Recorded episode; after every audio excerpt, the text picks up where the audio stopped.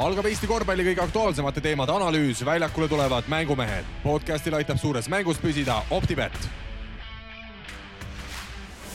tervitame kõiki korvpallisõpru ning oleme tagasi kossujuttude lainel, kui taas alustab nädalat korvpallipodcast Mängumehed. nädal on möödunud kui linnutiivul, meie oleme ammutanud uut infot, käinud vaatamas koduseid korvpalliturniire ja paras aeg on hakata seda kõike lahkama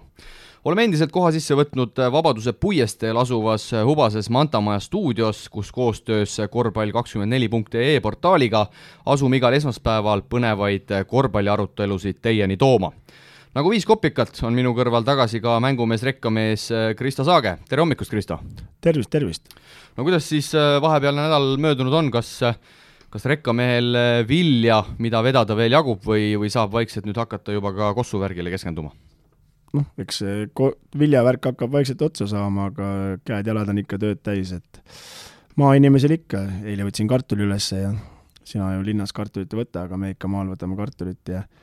aga tegevust jätkub, et eks ise tahaks ka rohkem selle korvpalliga tegeleda, et eh, seda on ju aastaid tehtud ja võiks ju, nälg on küll natuke juba. kuidas siis äh, kardulasaak Lääne-Virumaal sel hooajal äh, on, et äh, palju kilosid tuli? Noh, eks sealt ikka midagi tuli, aga eks ta kesine nagu ikka siin praegu siin see värk on, aga, aga ei saa me hakkama. aga tänasel päeval, noh, nagu sa ütlesid, mina ei tea äh, kartula võtmisest midagi, see on niisuguse kerge trenni eest ka juba võib-olla või? noh, kui päris ausalt olla, siis mul viilimine on eluaeg nagu olnud äh, veres, et äh, viilisin seal ka selle korjamiskoha pealt nagu siis tõstemeheks ja kopameheks, et äh, sõitsin traktoriga lihtsalt mööda põlda no selge, selge, tänases saates äh, liigume igatahes edasi siis erinevate liigade võistkondlike analüüsidega, Pahv liigas võtame ette Tartu Ülikooli ning Rakvere Tarva, Euroliigas käime üle Maccabi Panathinaikose, Fenerbahce ja Himki tegemised, VTB liigas peatume Permi Parma,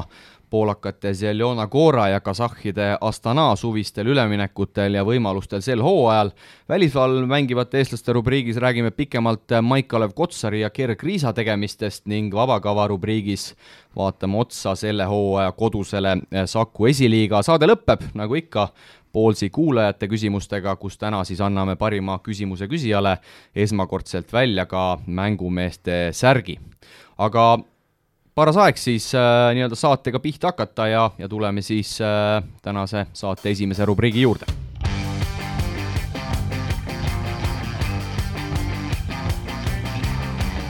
Pahv Eesti-Läti ühisliiga siis äh, alustab äh, kümnendal oktoobril kui äh, hooaja avamängus lähevad vastamisi TalTech ja Pärnu Sadam.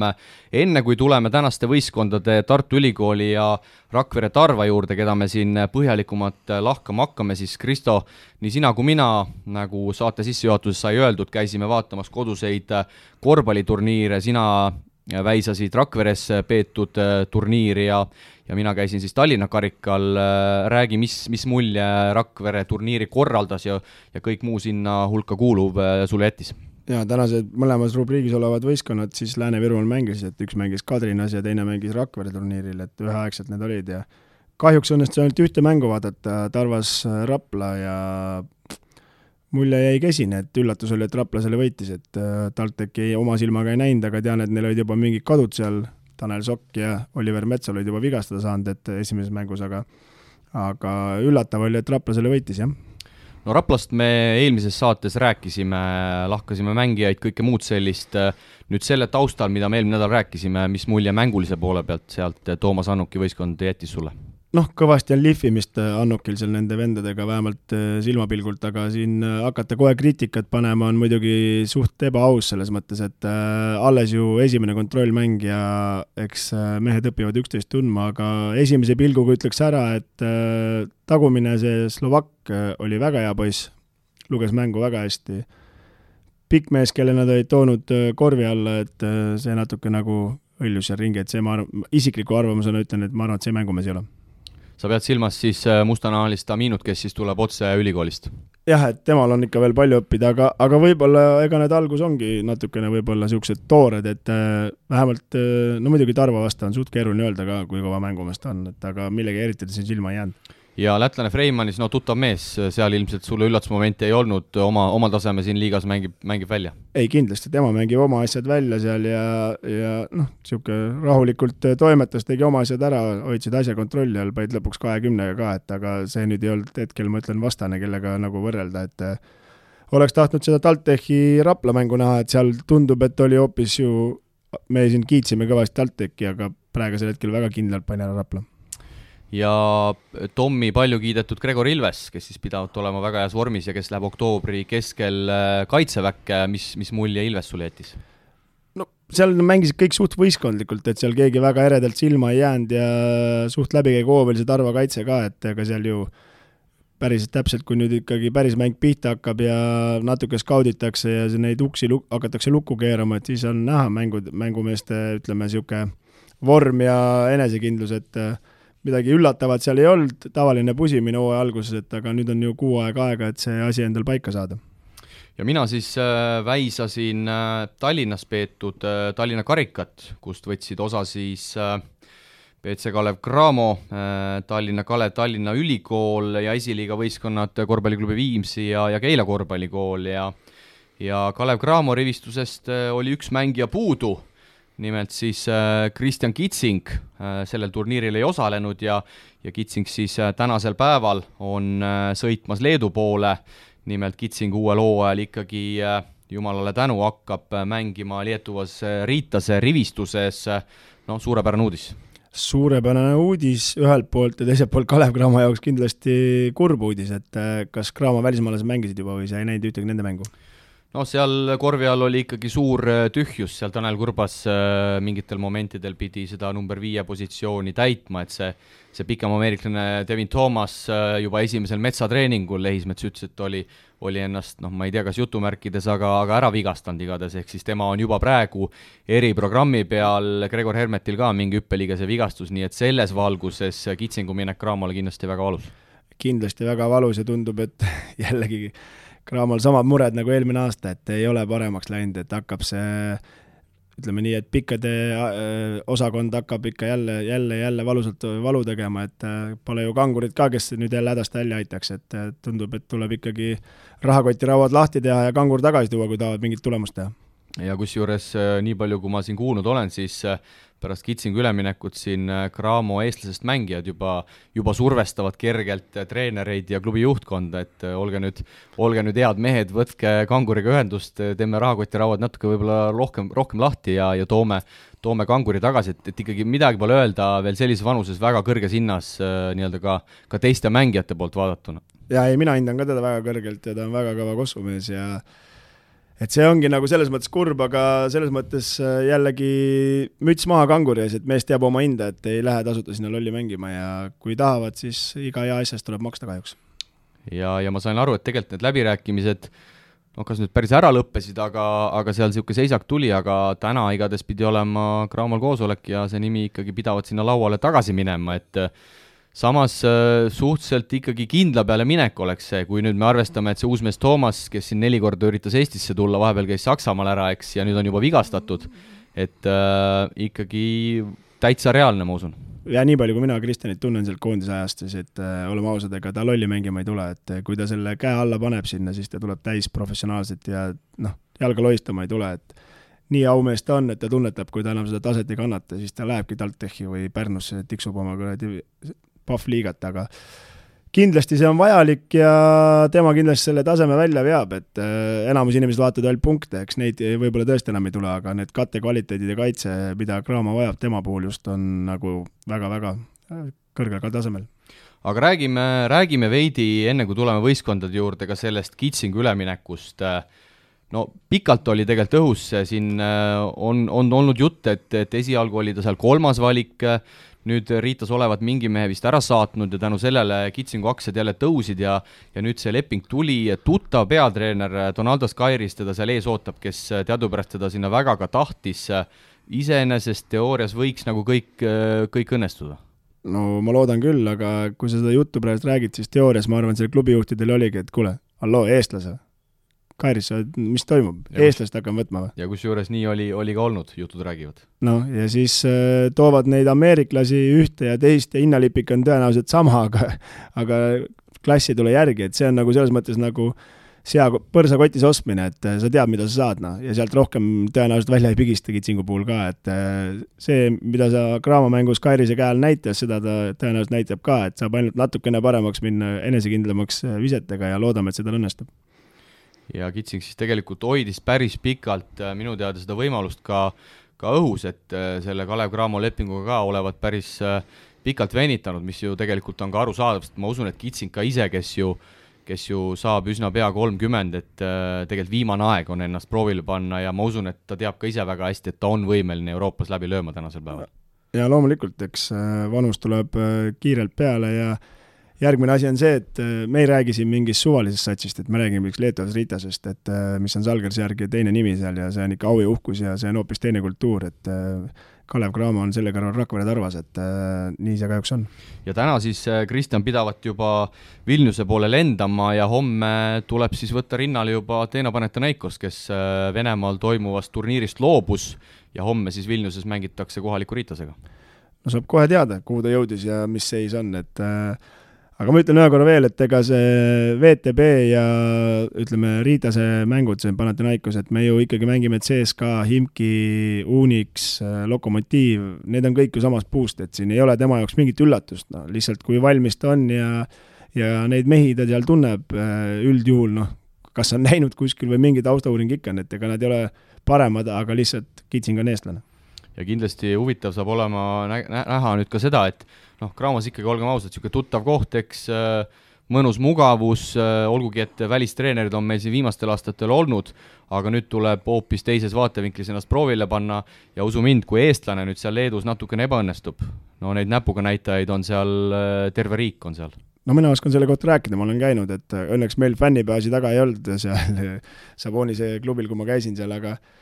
aga noh, põhimõtteliselt äh, su jutt on õige, et äh, ega niisama Vilniuse vahele kõndima ei lähe, kui seal jama korraldad, et äh, kaks varianti, kas kunn või siis see teine.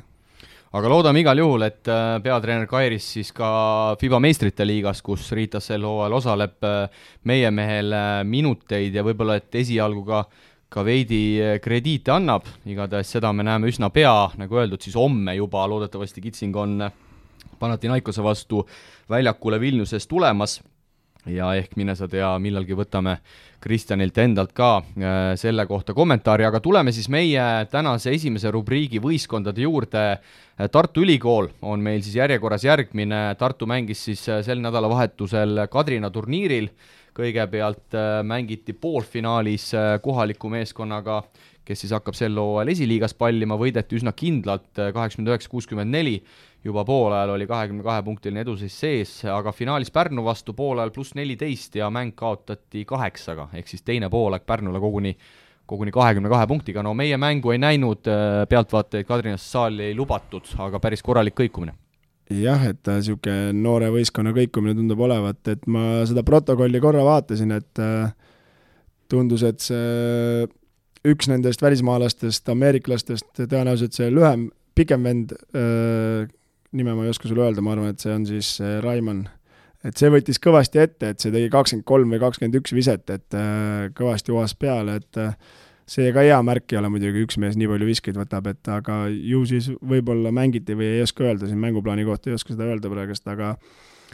aga mis siin Tartu võistkonnalt oodata sellel hooajal, ma arvan, et ega nemad oma latti allapoole lasta ei taha, et olen siin põgusalt niisama suvel Taltsiga rääkinud, äh, aga, aga nüüd püüdsin teda ka kätte saada, aga ei õnnestunud, et seda viimast kommentaari talt võtta, et et äh, ma arvan, et murekohti nagu väga ei ole, et äh, lihtsalt nüüd need suurorud ja eelmäed ja kivid ja need peavad ühe sammu edasi tegema ja, ja nii see asi peaks käima idee järgi.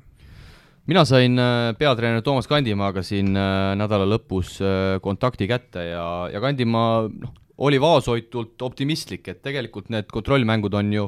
on ju Tartul läinud täitsa kenasti, Valmieral esimene mäng äh, miinus kuus, teine mäng pluss kümme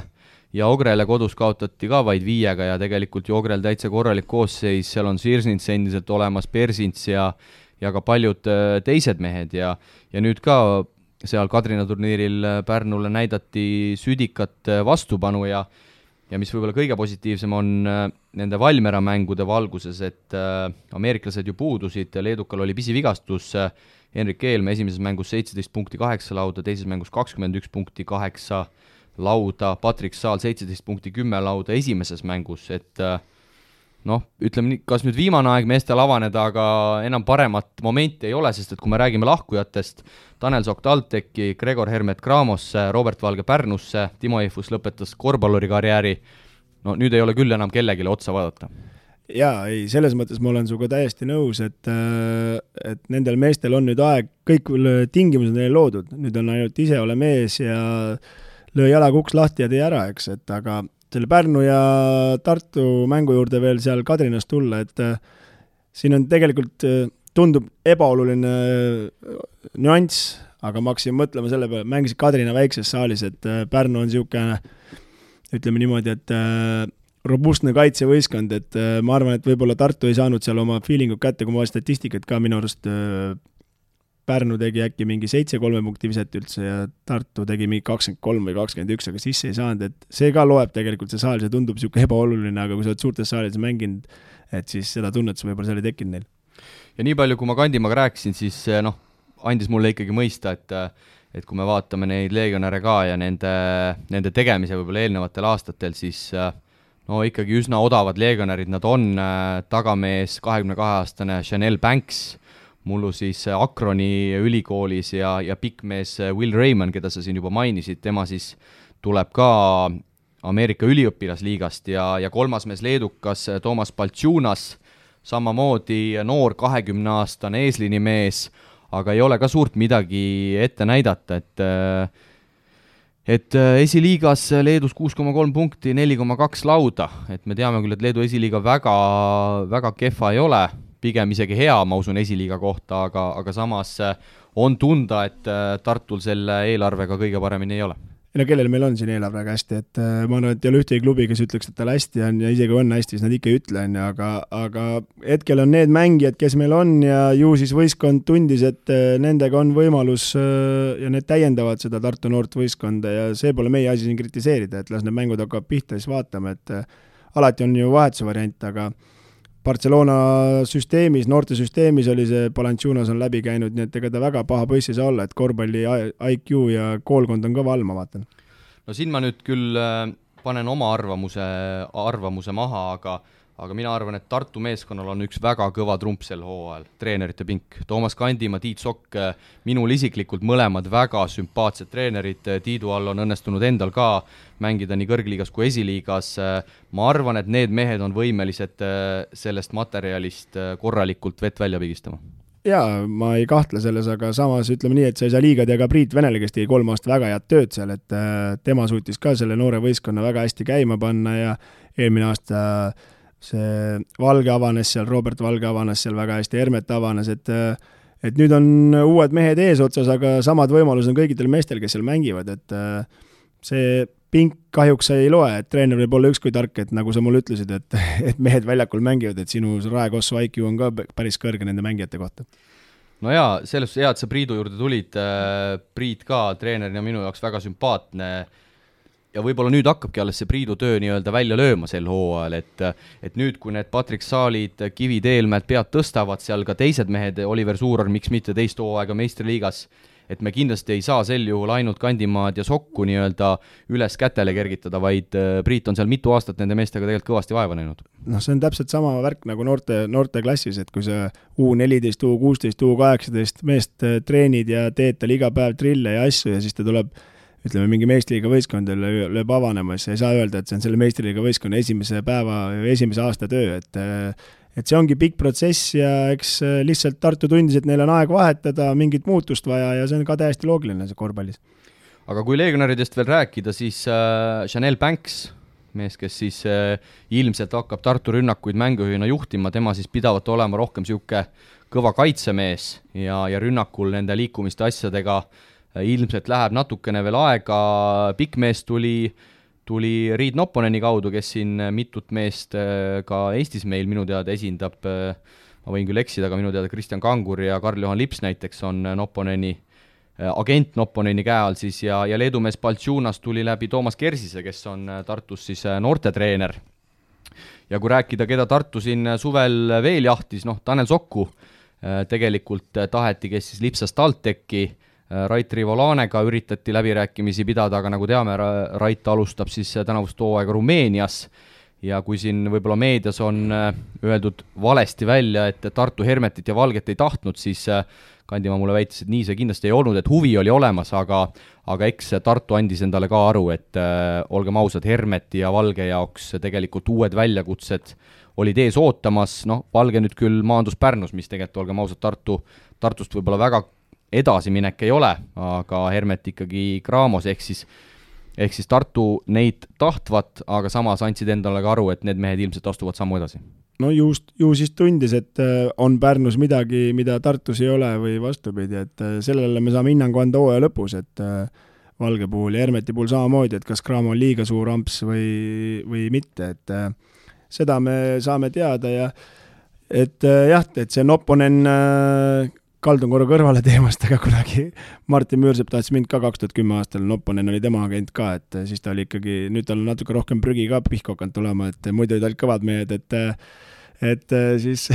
Müür helistas Nopponenile ütles, et müü saage maha, küsis palju palka tahab, ütles noh, ütles, ühesõnaga ütles, mis number ütles, Nopponen ütles sorry, mul alla viie tonni meeldusi pole. Nopponen, see, Müür ütles selle pealt võid viiega ka müüa, aga sinna see jäi, et kahjuks ei saanud ja, ja võib-olla keda veel ära mainida, Karl-Juhan Lips tegelikult äh, olevat juba Tartuga käed löönud, aga viimasel hetkel ikkagi äh, ikkagi libises sinna Tallinna Kalevi poole ja nagu me eelmises saates rääkisime, ka Kalev Cramo tundis lipsu tegemiste vastu sel äh, suvel huvi ehk siis äh, mida me siit järeldame, kas Karl-Juhan Lips on tõesti nii kuum kaup praegu Eesti mängijate turul? ma võin sulle öelda, mis see järeldus on, et lihtsalt mängijaid ei ole, et ükskõik, kui sa keegi mingi enam-vähem hooaja teeb, siis kindlasti kõik tunnevad ta vastu huvi ja kõik tunnevad kõiki, et äh, siin hetkel praegust ei ole, praegu hetkel ei ole niisugust olukorda, et Kalev Cramosse või Tartusse ei saa, et vanasti oli niisugune olukord, et sinna olid väga limiteeritud ja ainult kõvad vennad said, ülejäänud hakkasid Tarvast pihta allapoole tulema, et äh, aga nüüd on aeg käes, et kõik, kes natukenegi mängida oskavad, saavad tulla aga nüüd Tartu meeskonna lõpetuseks, äh, Kristo, oled sa minuga ikkagi selles osas nõus, et äh, Tartu meeskond koosseisu mõttes, materjali mõttes on kindlasti, kui me Graamo välja jätame, võib-olla enim äh, järgi andnud, aga samas jälle minu enda arvamus, kõige üllatusvõis-, üllatusvõimelisem võistkond sel hooajal? jube raske on seda kohe praegust paika panna, et kes kõige rohkem võiks üllatada, aga kindlasti nemad noh, me võib-olla kõik teevad liiga neile, ütlevad, neil ei ole midagi, on ju, aga, aga, aga selle me saame siis teada, kui mängud pihta hakkavad ja mina nii negatiivne ei oleks, et ma arvan, seal on tiimi küll ja treeningtingimused ja trenni tehakse seal kõvasti, et ma arvan, et need hakkavad vilja kandma. jaa, ja kindlasti, mida ma siin ka eelnevatel hooaegadel olen korranud äh,, tuult tiibadesse, kuna Tartu, äh, Tartu meeskonnas on palju noori ja, ja see on mulle olnud siin läbi viimaste aastate sümpaatne, et need tulemused küll on kukkunud võrreldes äh, nii-öelda vanade rokiaegadega, aga samas äh, oma mängijad tulevad peale, ma tean, et seal ka noorteklassides A, B, C klassis Tartul on tegelikult püramiid väga hea, Tartul kusjuures sel suvel Tartu süsteemist oli üksteist noort, oli noortekoondistes, mis on ülekaalukalt kõikide klubide peale kõige parem näitaja, ehk siis tulevik võiks tegelikult olla helge no tulevik võiks olla helge ja mingi suuna nad pidid valima, et oleme ausad, Eesti koss on ka langenud, et äh, ei saa sellest kahjuks ümber ega üle, et äh, sel ajal, kui Tartu tegi suuri asju, siis oli raha rohkem ja, ja raha eest said igasugu asju osta, et me võime Raekossu ka Kalev Cramoga, Kalev Cramo magama panna, ostame ainult sisse välismaalt ja aga selleks on raha vaja, hetkel meil raha ei ole lihtsalt ja ja ma arvan, et neil on õige tee ja mul on selles mõttes positiivne äh, eelaimus ja et noortel on kuhu pürgida, et äh, praegusel hetkel, kui sa natukene pead tõstad, siis sa lähed Tartusse ülikooli ja saad mängida kossu ka veel. aga soovime siis äh, Taara linna edu tänavuseks hooajaks ja liigume siit edasi, tänane teine võistkond Pahv rubriigis Rakvere Tarvas. no käisid, käisid Kristo reedel saalis Rakvere versus Rapla, Rapla võitis kindlalt kaheksakümmend seitse, kuuskümmend viis no ei saa Rakvere ilma Saageta ikka kuidagi. no ma ei tea, võiks öelda küll, et minu kingad on ikka liiga suured seal nende mängujuhtide jaoks, et äh, väga imelik oli vaadata, et äh, saalis oli niisugune üllatavalt palju inimesi muidugi, et äh, ma arvan, niisugune kolmesaja ringis, et ilusti olid toolid ära nummerdatud, mille peal võib, roheline, kus võib istuda, kaks vahet, jälle roheline, et et selles mõttes oli kõik hästi tehtud ja aga uus põrand oli maas, kõik värgid-särgid renoveeritud natukene, et huvitav oli jah, lihtsalt, et kajas ka kaunis hästi, et aga keegi suud lahti teinud, et tuimalt lasid endale kahekümnega panna ja lätlane natuke seal midagi haris neid, aga, aga, aga see ei tundnud eriti vilja kandvat. ja legionärid siis ei osalenud, Devin Harris, kellel, kelle koroonatest oli siis positiivne, tema jäi mängust eemal ja lisaks siis ka teine mees, eesliini mängija Riley Hayes, kes siis äh, koos Harrisega minu teada Tallinnasse tuli sama lennukiga, nemad siis isolatsioonis ja ja ootavad siis negatiivseid testi, et taas võistkonna tegemistega äh, liituda, aga nagu sa ütlesid äh,, ikkagi seal tagaliinis äh, on üh-, üsna keerulised seisud, no okei okay,, Harris oli puudu, Harris suudab seda mängujuhi positsiooni, nagu eelmisel hooajal nägime, täita, aga nagu sa ütlesid, Egert Haller millegipärast oli pandud sinna mängujuhi koha peale, kuigi tegelikult seda positsiooni võiks ju ka Sten Saaremäel täita. Nojah, Sten või, või Markus Merimaa, et aga ega see on treeneri jälle küsimus, ega treener paneb need nupud paika ja treener vastutab selles mõttes, et äh, see pole meie asi siin öelda, kuidas mängitakse, kui kõik kolmsada venda hakkavad ütlema, kuidas mängida, siis läheb asi päris keeruliseks, aga aga mis sealt nagu väga palju noori oli toodud võistkonna juurde, kes eelmine aasta ka meil trennis käisid, mõned, kes ei saanud trenni, said nüüd kohe, vaatasin satsi, vormi selga. Et äh, kindlasti need kaks välismaalast annavad juurde, äriselt me teame, mida oodata, aga, aga eelmise aastaga koos mängides võin öelda, et äh, ega ta kõige kõvem jutumees pole ja, ja temal on ainult üks pluss, see on kiirus, et et ta neid teisi nuppe seal kindlasti paika panema ei hakka, aga elame-näeme, võib-olla eksime. sest ega ju äh, hooaja teises pooles eelmine aasta, kui tal ikkagi see parem käsi kinni võeti ja, ja ei lastud seda kiirust üles võtta, ja tema mängu osati juba paremini skautida, siis tegelikult tema jõud ka rauges, eks muidugi palju koormust jäi ka tema peale, aga samas äh, need numbrid ikkagi seal hooaja teises pooles natukene kukkusid. noh, eks ta, eks ta nii ole, et äh, ega endal ka samamoodi seal eelmine aasta mängides, ega kui pannakse ikka see kolme punkti joone tagant äh, uksed lukku, ega siis üleöö ei hakka läbiminejaks jälle, et kui viis aastat pole läinud, et ei lähe, et äh, ega see on ju, Tarva mäng on ikka ühesugune, ega siin ei muutu midagi, et kui saab jooksma ja kiirelt möllama hakata, siis võib kõike juhtuda, nagu eelmisel aastalgi, aga hetkel ütleme küll, et kindlasti Tarvas vajab, ma arvan, kahte-kolme venda juurde endale, kui need isegi need välismaalased liituvad, et korvi alt ikkagi, oleme ausad, Janis Vahter oli eelmine aasta hea täiendus, Mihkel Kurg tagaliinis ka mingil määral ikkagi andis juurde ja noh, et siin praegast selle koosseisuga ma ei usu, et viimast punasest laternast pääsetakse. vaatame veel natukene mängijate põhiselt ka, sinu sõber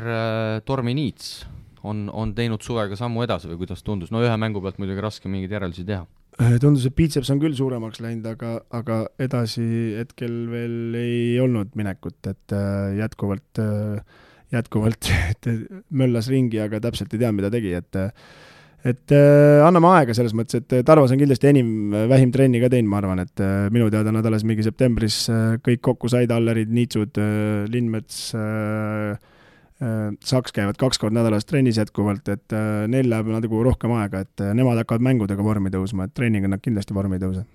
kuidas vanameistrite Saksa ja Lindmetsa vor-, vorm sulle, sulle tundus? Ei, Renatoga ma ju mängisin tänavakorvpalli ka, et tema vorm on ikkagi hea, aga, aga temaga on just see, see asi nagu põhiline, et äh, teda peab oskama kasutada, et ega ta enam ei ole niisugune, kes hüppab, kargab sul nelikümmend minutit ringi, et äh, ta on pigem niisugune hea back-up vend, kes teeb kindlalt oma asjad ära, ütleme, et vastaste juures kaitses ja rünnakul, et aga kolmkümmend, kolmkümmend pluss minutit, ma arvan, et on tal keeruline.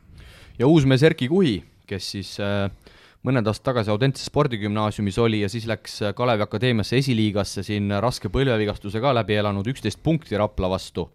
noh, numbrid on üks asi, kuidas väljakul noore mehe tegutsemine tundus? kuule, tegi ilusama korvi, ütleks nii, et äh, läks nurgast läbi, pani ülevalt alla mööda minnes, et äh, ma arvan, et Tarva ju võistkonna juures ütleme, et seda pikkust, äh, noorust, äh, kehasi värke on, aga kõige raskem ülesanne on, kuidas su meeskonna mängima paneb, noh, et äh, ükski võistkond niisama ise ei mängi, et see aeg, kuidas Andres Sõber elas oma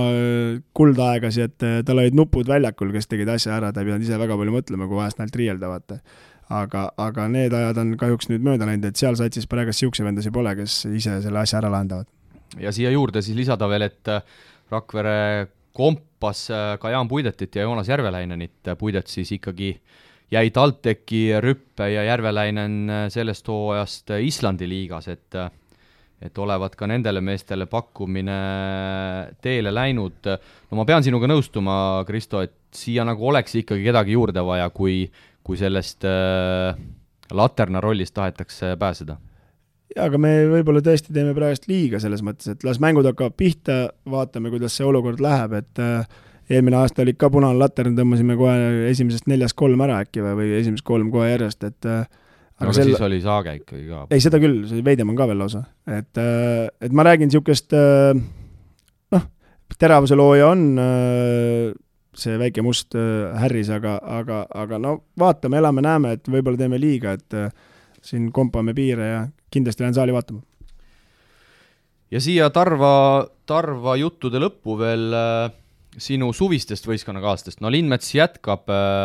viis-viis äh, korvpallis kõrgemal tasemel, oskad sa öelda, Mihkel Kurg vist äh, teeb vaheaasta üldse korvpalliga ja Janis Mahter, ma vaatasin, teises liigas hakkab müttama seal Pärnu satsis Siiris ja seal teisigi huvitavaid mängumehi, Elgar Tammsalu ja Maarja Polusk ja kas äh, Vahter hakkab nüüd seal teises liigas kõvasti tuuseldama? ei tea, ei kujuta ette praegust jah, et eks ta teises liigas ikka hakkab tuuseldama, ma, ma loodan vähemalt, et kui ta seal ka ei tuuselda, siis vähemalt Tarvas tegi ühe õige otsuse, et teda ei võtnud, et äh, mina hakkan kindlasti Raekossu karikas tuuseldama, see on selge, et äh, siin küsimust ei ole, aga aga Mihkel Kurg jaa, tegi väikese vaheaasta, et mõnes mõttes mõistetav, et ütleme nii, et enam Craamosse ei saa ja pole mõtet tiksuda siin Rakvere ja ja Tallinna vahet, et elu on tal kõik Tallinnas ja nüüd minu teada ta on äh, meie kodukandis seal Rae, Raes ajab asju, et äh, Omniva treener ja möllab seal poiste ja tuttavatega ja edu talle! no tore jah, vähemalt, äh, vähemalt äh, Mihkel jätkab korvpallisõbrana, järgmises saates siis jäävad meil veel analüüsida Tallinna Kalev, Tallinna Ülikool ja TalTech, aga selleks korraks tõmbame Pahv Eesti-Läti ühisliiga rubriigile joone alla korvpalli Euroliiga kuumimad teemad aitab mängumeestel teieni tuua Eesti Kütusepank, Terminal Oil. Tartu Terminal Euroliiga, siis järgmine rubriik äh, aitäh veel kord Terminal Oilile, Eesti Kütusepank, mille põhitegevusaladeks siis vedelkütuste hoiustamine ning jae- ja hulgi, hulgimüük ning äh, muu kauba jaemüük. Ja, ja sealjuures siis ollakse Eesti üks suurimaid kütuse hulgimüüjaid ja terminali tegevustega saab end kursis hoida äh, terminaloil.ee või siis nende Facebooki ja Instagrami äh, lehtedel. noh, Krista, oled sina äh, Kossu sõbrana äh, terminalis tankija, sest et noh, me ju teame, seal on ka ettevõtete juhina tegutsemas Raido Raudsepp, kes tegelikult esindab ka Saku teises liigas Tartu terminali meeskonda. jaa, kaks venda lausa seal, vennad Raudsepad seal möllavad ja läbi ja lõhki spordimehed ja kossumehed, ma ütleks, et äh, et äh, annaks neile jaksu ja jõudu ja alati aitavad, et äh, ei olnud meil palju vaja, et üks kõne ja natuke aitavad ka meid, et äh, suur tänu selle eest neile loomulikult ja kui sul ikka Kossu pisik juures on, siis tegelikkuses ei, oleme ausad, ega sul vahet ei ole, kas sa oled Eesti-Läti liigas või sa oled teises liigas, et aga lihtsalt saad käia ja teed ja oled ja see on niisugune natukene nagu elustiil, et kui sa oled noorteklassides pannud äh, kümme aastat ja sul on võimalus seda jätkata, siis sa teed seda, noh, kõigile muidugi ei ole ja elu teeb korrektiivid, aga, aga näe, mõni mees jääb ja on ja nende entusiasmide peal me elame siiamaani, et tänud neile. ja siinkohal ma tahaks kõikidele mängumeeste kuulajatele, kui see saade teile vähemal või suuremal määral korda läheb, siis panen teile südamele, et tankige ikkagi äh, Terminal Oilis, sest nagu ma ütlesin, seal on äh, korvpalli armastavad inimesed eesotsas ja, ja selleks, et Krista saaks Rakverest siia Tallinnasse Manta majasse käia, et see saade püsiks elus, siis äh, oleks see igati õilis tegu ei, mitte seda, aga kindlasti ma tulen niisama ka siia, aga siis äh, võime kindlad olla, et see ringiga läheb see raha korvpalli ühel või teisel moel tagasi, et kas tuleb meile või kuskile mujale, et äh, ta on ka Tartu Rocki äh, sponsor minu teada ja, või Tartu Ülikooli sponsor ja see raha läheb korvpalli tagasi, et mida rohkem neil on, seda rohkem me saame. jaa, aitüma mehed ja läheme Euroliiga Äh, rubriigi juurde, neli võistkonda täna siis äh, räägime läbi, Maccabi Panathinaikos, Fenerbahce ja Himki. Ja alustame siis äh, Maccabiga, kes eelmisel hooajal, kui koroona peale tuli, oli viiendal positsioonil äh, no Maccabi tundub, et on äh, sama kõva või isegi kõvem sel hooajal, võistkond on jäänud suhteliselt samaks, lahkujatest äh, Deni Avdia siis äh, ilmselt läheb NBA draftis kaubaks, Jake Cohen läheb Hispaania kõrgliigasse Obradoiro meeskonda ja Quincy Ace'i korvialune mängumees on siis hetkel vaba agent, aga juurde on tulnud Horvaadist NBA mees Ante Sisic, kaheaastane leping siis eelmisel hooajal, Clevelandis kakskümmend kaks mängu ja Chris Jones, kes tuleb siis äh, Türgi klubist äh, Bursapor, kahekümne seitsme aastane mängujuht ja no tema on päris äh, korraliku tee oma elus läbi käinud, esimene profileping oli sellel mehel kusjuures Mongoolia liigas, kus sai viissada dollarit kuus ja, ja nüüd on siis jõudnud otsaga Makaabisse välja. no abiks ikka, aga vaadates seda Makaabit, siis äh minu jaoks on ta viimasel, ütleme, kolmel-neljal aastal kõige müstilisem võistkond, et äh, roster on alati ülikõva ja treenerid on kõvad ja kõik möll saalis on kõva ja kõik on äge, aga tulemust ei tule kuidagi järgi, et äh, et äh, vaadates selle koosseisule peale, siis ilmselgelt on hea koosseis, et Otello Anter, väga kindel mees, Will Beckin, Torsi, Suuman on nüüd nende Iisraeli poiss on ennast ka jalad alla saanud, tulnud, noh, Omri Kaspilt enam eriti midagi ei oota, ma arvan, et ta on lihtsalt äh, ütleme nii, et äh, vanaduspõlve pidav, äh, kellest lihtsalt peetakse lugu seal. ja siin ikkagi mängumehi on, oleme ausad, Ante Sisic ei oska midagi öelda, pikk mees, kes saab selle eest raha, aga eks ole näha, kuidas ta väljakul toimetab. ja arvestades, et tagaliinis äh, Vilbekin on ikkagi A ja O, siis kindlasti väärib märkimist ka see, et Sisic ja Vilbekin mängisid koos hooajal kaks tuhat kuusteist, seitseteist Darussafakas Euroliigas. nii et selline omavaheline touch on olemas. jaa, ei seda kindlasti, seda kindlasti, et äh, et äh, võivad, kodus on nad alati ülitugevad olnud, aga väljas neil kuidagi ei õnnestu, et äh, elame-näeme, kuidas neil läheb, et ega siin väga pikalt ei olegi nende peal peatuda, et äh, rosterit on ja tundub, et koroona neil rahaliselt pole ka midagi muutnud. ja kui sa välja juba selle tõid, et siin tegelikult aastaid on seda raha põletatud ja on käinud erinevaid treenerid, on neid mängijaid vahetatud ja tulemust äh, pole tuhkagi tulnud, siis nüüd äh, kreeklasest Ioannis Svairopoulos, viiekümne kolme aastane kreeklane, kes siis äh, mäletame, oli olümpiaakoses pikalt, kaks tuhat neliteist kuni kaheksateist, on siis nüüd kolmandat hooaega Maccabi eesotsas ja tundub, et tema need nõudmised või, või mis iganes asja ta seal teeb, igatahes endiselt on palju neid ameeriklasi, aga see mäng oli tegelikult päris nauditav vaadata ja, ja mängu, mängupilt läks kõvasti paremaks ja tundub, et äh, härrale, kes iga kord saalis on äh, kohal pealikule, et äh, so-, sobib ka te, tema nagu stiil, ütleme nii, et aga no seal muidugi võib täna sobida, homme mitte, et Euroliigas ikkagi on asjad nii, et üks päev, kui ei sobi, siis uks lahti ja minema, järgmine mees sisse ja seal ei ole mingit küsimust, kas sul leping taga on või ei ole, maksame ära ja mine lihtsalt. ja tundub, et koroona ajad Iisraeli satsi mõjutanud ei ole alles siis äh, suur leping äh, Iisraeli rahvusliku äh, lennufirmaga sel hooajal hakkavad tšarteriga ringi möllama ja noh, koosseisu me juba käisime üle, ikkagi pigem võetakse juurde, kui antakse ära nojah, et ma ei imesta üldse, kui eelarves peavad ühe punkti juurde kõik Euroliiga võistkond panema, et ainult tšarteriga saavadki mängudel käia, et kui see koroona teema meil on, et see on ju kõige kindlam neil liikuda, ütleme nii. jaa, eelmisel, eelmises saates rääkisime siis esinelikust äh,, EFS, Real, Barca ja CSKA, kas Maccabi äh, nendele kandadele suudab astuda? ütleme nii, et Euroliigas segavad kõik vett, et kindlasti nad on ka seal äh, top kaheksa sats ja, aga siin on üldse top kaheksa ka raske saada, et me oleme ju kaks aastat jälginud, kuidas Salgeris on seal võidelnud siin ja sealpool joont, et see on väga tihe liiga, et siin praegust seda järjestust panna on suht keeruline. liigume edasi eelmise hooaja kuues äh, Panathinaikos, no siin võib-olla, et on isegi kõige rohkem juttu, väga palju on äh, muutunud, uus peatreener Georgios äh, Vovoras, neljakümne kolme aastane kõigest alates kahe tuhandendast aastast, ehk siis kakskümmend aastat on mees olnud abitreener erinevates võistkondades, Panathinaikoses kaks tuhat kaksteist kuni neliteist ja kuusteist kuni kakskümmend nii Pasquali, Pitino kui ka Fedolakise kõrval. Ja nüüd siis antakse mehele võimalus äh, peatreener äh, olla, noh, on ta siin ka vahepeal olnud, kui treenerid on vahetunud, siis mõned mängud on ta saanud ka eesotsas olla, aga nüüd äh, siis loodetavasti kogu hooajaks pannakse Vovoras etteotsa rääkimata mängijatest, Tyrese Rice AEK-sse, Deshaun Thomas Jaapani kõrgliigasse, Jacob Wiley Gran Canariasse, Galates Barcelonasse, Pitino läks siis tagasi Ameerika üliõpilaskorvpalli Iona ülikooli peatreeneriks, Jimmer Fredet äh, Hiina et see kaadrivoolavus Panathinaikosel ikkagi kahe hooaja vahel on olnud meeletu ja räägitakse ka, et rahakott äh, olevat läinud kõvasti õhemaks. jaa, et äh, ma arvan, et selle treeneri jalgealune on kogu aeg tuline, et seal on väga kevaveelised, äh, kevavärvilised kutid kahekesti ees, et küll nad ei taha ühte liigat mängida ja küll nad ei taha teist teha ja eelmine aasta nüüd ei mänginudki üldse Kreeka liigat, siis nad läksid suusad risti seal mingi kohtuniku pärast ja need on karmid vennad seal ja, aga tundub, et on nagu sammu tagasi teinud, aga ega me ennem ei oska midagi öelda, et äh, ütleme, et sinna Kreekasse mängima minnes kodus on nad kindlasti tugevad, et seal korralik katel käib ja ja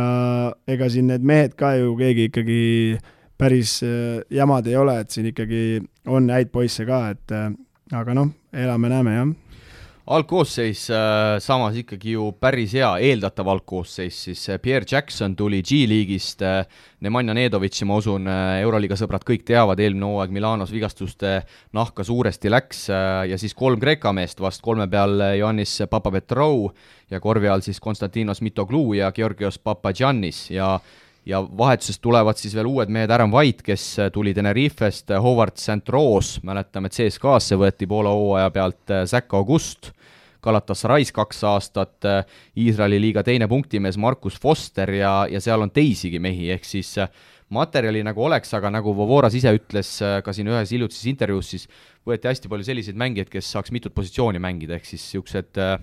no kas nüüd kohatäitjad, aga niisugused lappijad, et kes ei ole võib-olla esmajärgu tähed, et et võib-olla selliseid eliitmängijaid nagu Tyrese Rice ja Nick Alates me tänasel päeval enam äh, Panathinaikose nimekirjast ei leia. Samas võib olla jällegi, et kui nad ei ole esma, esma, esmajärgu tähed, et siis võib samasugune muster korduda nagu Salgeris, et ega seal ka esmajärgu tähtesi väga polnud, aga kaks aastat olid ju väga ägedalt paid ja treener oli, pani selle mängima, et ega me sellest treenerist ei tea midagi, et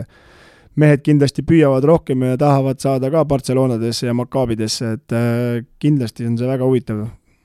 ja ma usun, et Nedovitš, kes äh, kes siin nädalavahetuses, kui see Euroliiga turniir seal Kaunases oli, siis äh, kakskümmend kaks punkti Žalgirise vastu poolfinaalis, et Nedovitš kindlasti nüüd kahekümne üheksa aastasena võiks olla see mees, kes kes no avanenud on ta ammu, aga kes hakkab seda Panathinaikose võistkonda vedama jah, nagu stabiilsust hakkaks rohkem näitama, et äh, ega ta ju, ma ei teagi, see oli äkki seitse-kaheksa aastat tagasi siin ju lammutas meil Saku Suurhallis ka veel noore mehena, et äh, Reinar mäletab teda väga hästi, aga et äh, aga noh, ma ei tea jah, tahaks rohkem stabiilsust, et aga ta on kõrgel kogu aeg mänginud ja seal äh, liikunud erinevates klubides, mis on ka ikkagi Euroliiga tipud olnud. Aga no ühte me ilmselt võime öelda, Panal läheb sel hooajal suhteliselt raskeks ka seal play-off'i äh, kohal püsimisega, ma usun no seda ma arvan ise ka, aga elame-näeme. ja võtame ette kolmanda võistkonna Fenerbahce, Pekko Istanbul, no suhteliselt samad jutud, äh, ma julgeks öelda, nagu äh, Panathinaikose puhul, väga kõva kaadrivoolavus, äh, rääkimata sellest, et Željko Obradovitš siis võttis vaheaasta, tema enam Fenerbahce peatreener ei ole, aga samas asemele võeti väga kõva mees, neljakümne kaheksa aastane Serbia koondise peatreener Igor Kokoškov, kes siis äh, kakskümmend aastat, kui Vovoras oli olnud abitreener, siis tema on olnud NBA-s abitreener sisuliselt, äh, küll hooajal kaks tuhat kaheksateist, üheksateist ka Phoenix Sunsi peatreener ja kaks tuhat neli tulnud Pistonsiga NBA meistriks, olles siis abitreeneri rollis,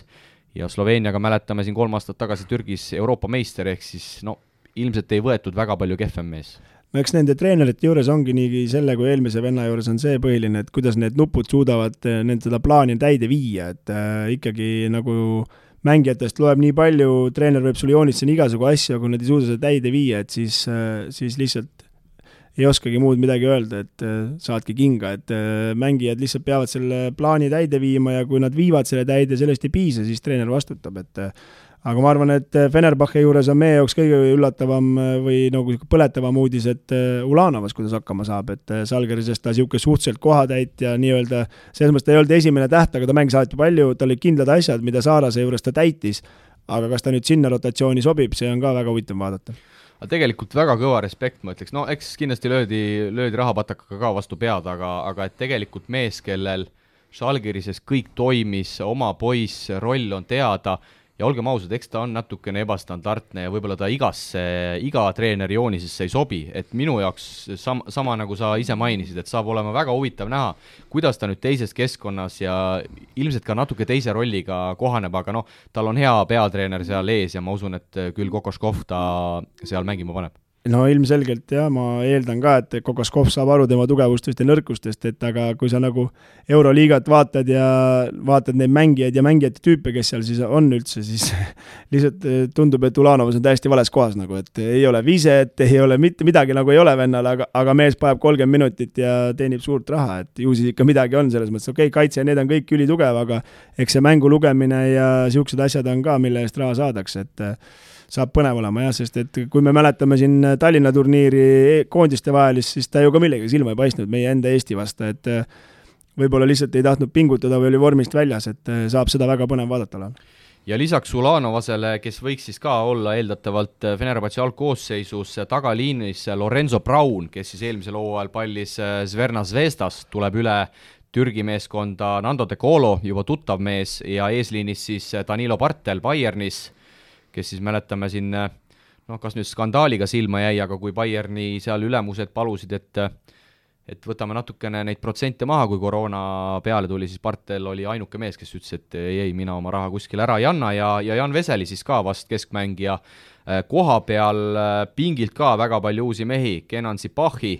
Real Betisist tuleb üle. Johnny Hamilton, keskmängija, eelmine hooaeg Darussafakas, Taishon Piir, kolm aastat Sassaris, kus siis tänavusel aastal pallib meie mees Kaspar Treier ja Jarel Edi ka Murcia meeskonnast, niisugused suhteliselt tundmatud äh, nimed äh, näis kas, kas välja ujuvad ja, ja muidugi see, see sats on vaja ju panna panna kokku mängima, sisuliselt äh, ma lugesin ette, seitse uut nime on rotatsioonis. pluss ma arvan, suure küsimärgi juures on Ali Muhamed, et äh et äh, eelmine treener oskas teda väga hästi kasutada, et äh, tuimalt see härjapõllane tuli, pani selle oma kolmesaid asju ära ja toimetas, et aga kuidas ta nüüd selle Kokoskovi rotatsiooni ja kuidas selle Kokoskovil tunnetus selle mehega on, on ka huvitav vaadata ja väga palju lahkujaid, Luigi Tatome Milanosse, Derek Williams äh, pallib uuel hooajal Valenciasse, Geoffrey Laverne Žalgirises, Kalinit samuti Valencia, Kostas Lukas läks tagasi olümpiaakose ridadesse, Malcolm Thomas Müncheni Bayern ja James Nunnally siis hetkel veel vaba agent, no huvitav, millest see siis tekkis, meie saame siin ainult oletada, kas Obradovitši asjad ammendasid ennast, kas need mehed läksid ära seetõttu, et Obradovitš läks ära või, või mis, mis selle Fenerbahce mingil määral lagunemise põhjuseks võib olla? noh, tõenäoliselt seal ikkagi rahaprobleemid on, või selles mõttes mitte probleemid, aga raha, eelarve on nagu kõvasti vähenenud ja ja vastavalt sellele on ka võetud uued mehed, et aga tundub, et Valencial on eelarve kõvasti tõusnud, et kaks meest võttis siit ja need ei ole üldse pahad poisid ja nende hinnalipik on kindlasti kõrge. jaa, Valenciast, äh, kui ma ei eksi, siis juba järgmises äh, saates tuleb meil juttu, aga võtame siis ka neljanda võistkonna siin rivis ette üsna tuttav meile, Moskva Himki, kes siis pallib ka VTB liigas, ehk siis võib-olla siit nelikust äh, Eesti kossusõpradele kõige südamelähedasem, no ma ei tea, mulle tundub, et seal Moskvas ka raha otsa ei saa, Himki, Himki oli juba eelmisel aastal ma ütleks isegi ülikõva, et äh, siin paljud ütlesid, no kas ta play-off'i pääseb, ma ütleks koosseisu järgi ta oleks pidanud kindlasti pääsema ja, ja ilmselt võib-olla, et ka oleks, kui see hooaeg oleks lõpuni mängitud. Äh,, eeldatav algkoosseis, Aleksei Svet, Iris Bertants, Janis Timma, Joonas Jerebko ja Craig Monroe toodi siis Bayernist, keda teame ka ka NBA-st, kes on tegelikult ju korraliku karjääri ka seal näidanud ja ja pingilt siis Erik McCallum Unixist, keda siin äh, Martin Torvek eelmisel hooajal nime, nimetas minule kõige raskemini nii-öelda kaitsvaks mängijaks WTB-s, et tõeliselt osa pidi olema see mees, lisaks vanad olijad Devin Booker, Sergei Monja, Sergei Karassjov, Stefan Jovits ja Jordan Mikki tuli siis veel ka Realist ja vast äh, väärib ära, äramärkimist ka Jevgeni Voronov, kes siis eelmisel hooajal oli seniidis, no ma ütleks, et väga tummine koosseis. Ja ütleme, et seal rahaprobleemi tundub tõesti praegust ei ole ja see Jordan Mikiga, kui ma ei eksi, siis ta toodi tagasi, et ta oli ennem seal juba mänginud ja ja ütleme nii, et neil on noh, rosterit on kõvasti, et mehi on kõvasti, aga tihtipeale on nende puhul ka see nagu, et tulemused väga ei väljenda nagu Maccabi puhul, et äh, stabiilselt teevad oma asja ära, aga niisugust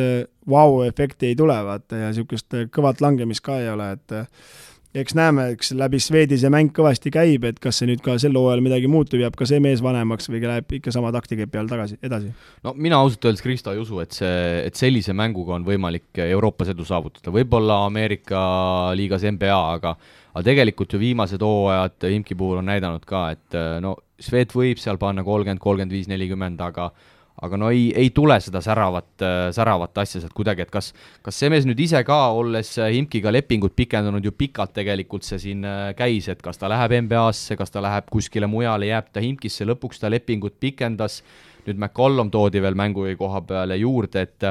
et ma ütlen ausalt, kui Swed võib-olla natukene oma mängu ümber mängiks, no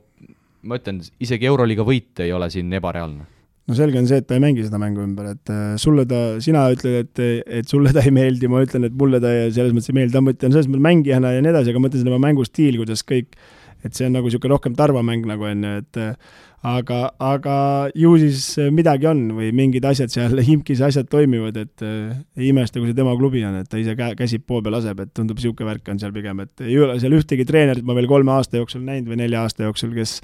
kes oleks suutnud selle mehe paika panna, pigem paneb tema neid asju paika. ja kuuekümneaastane Kurtinaitis, leedukas, kes siis seal peatreener on,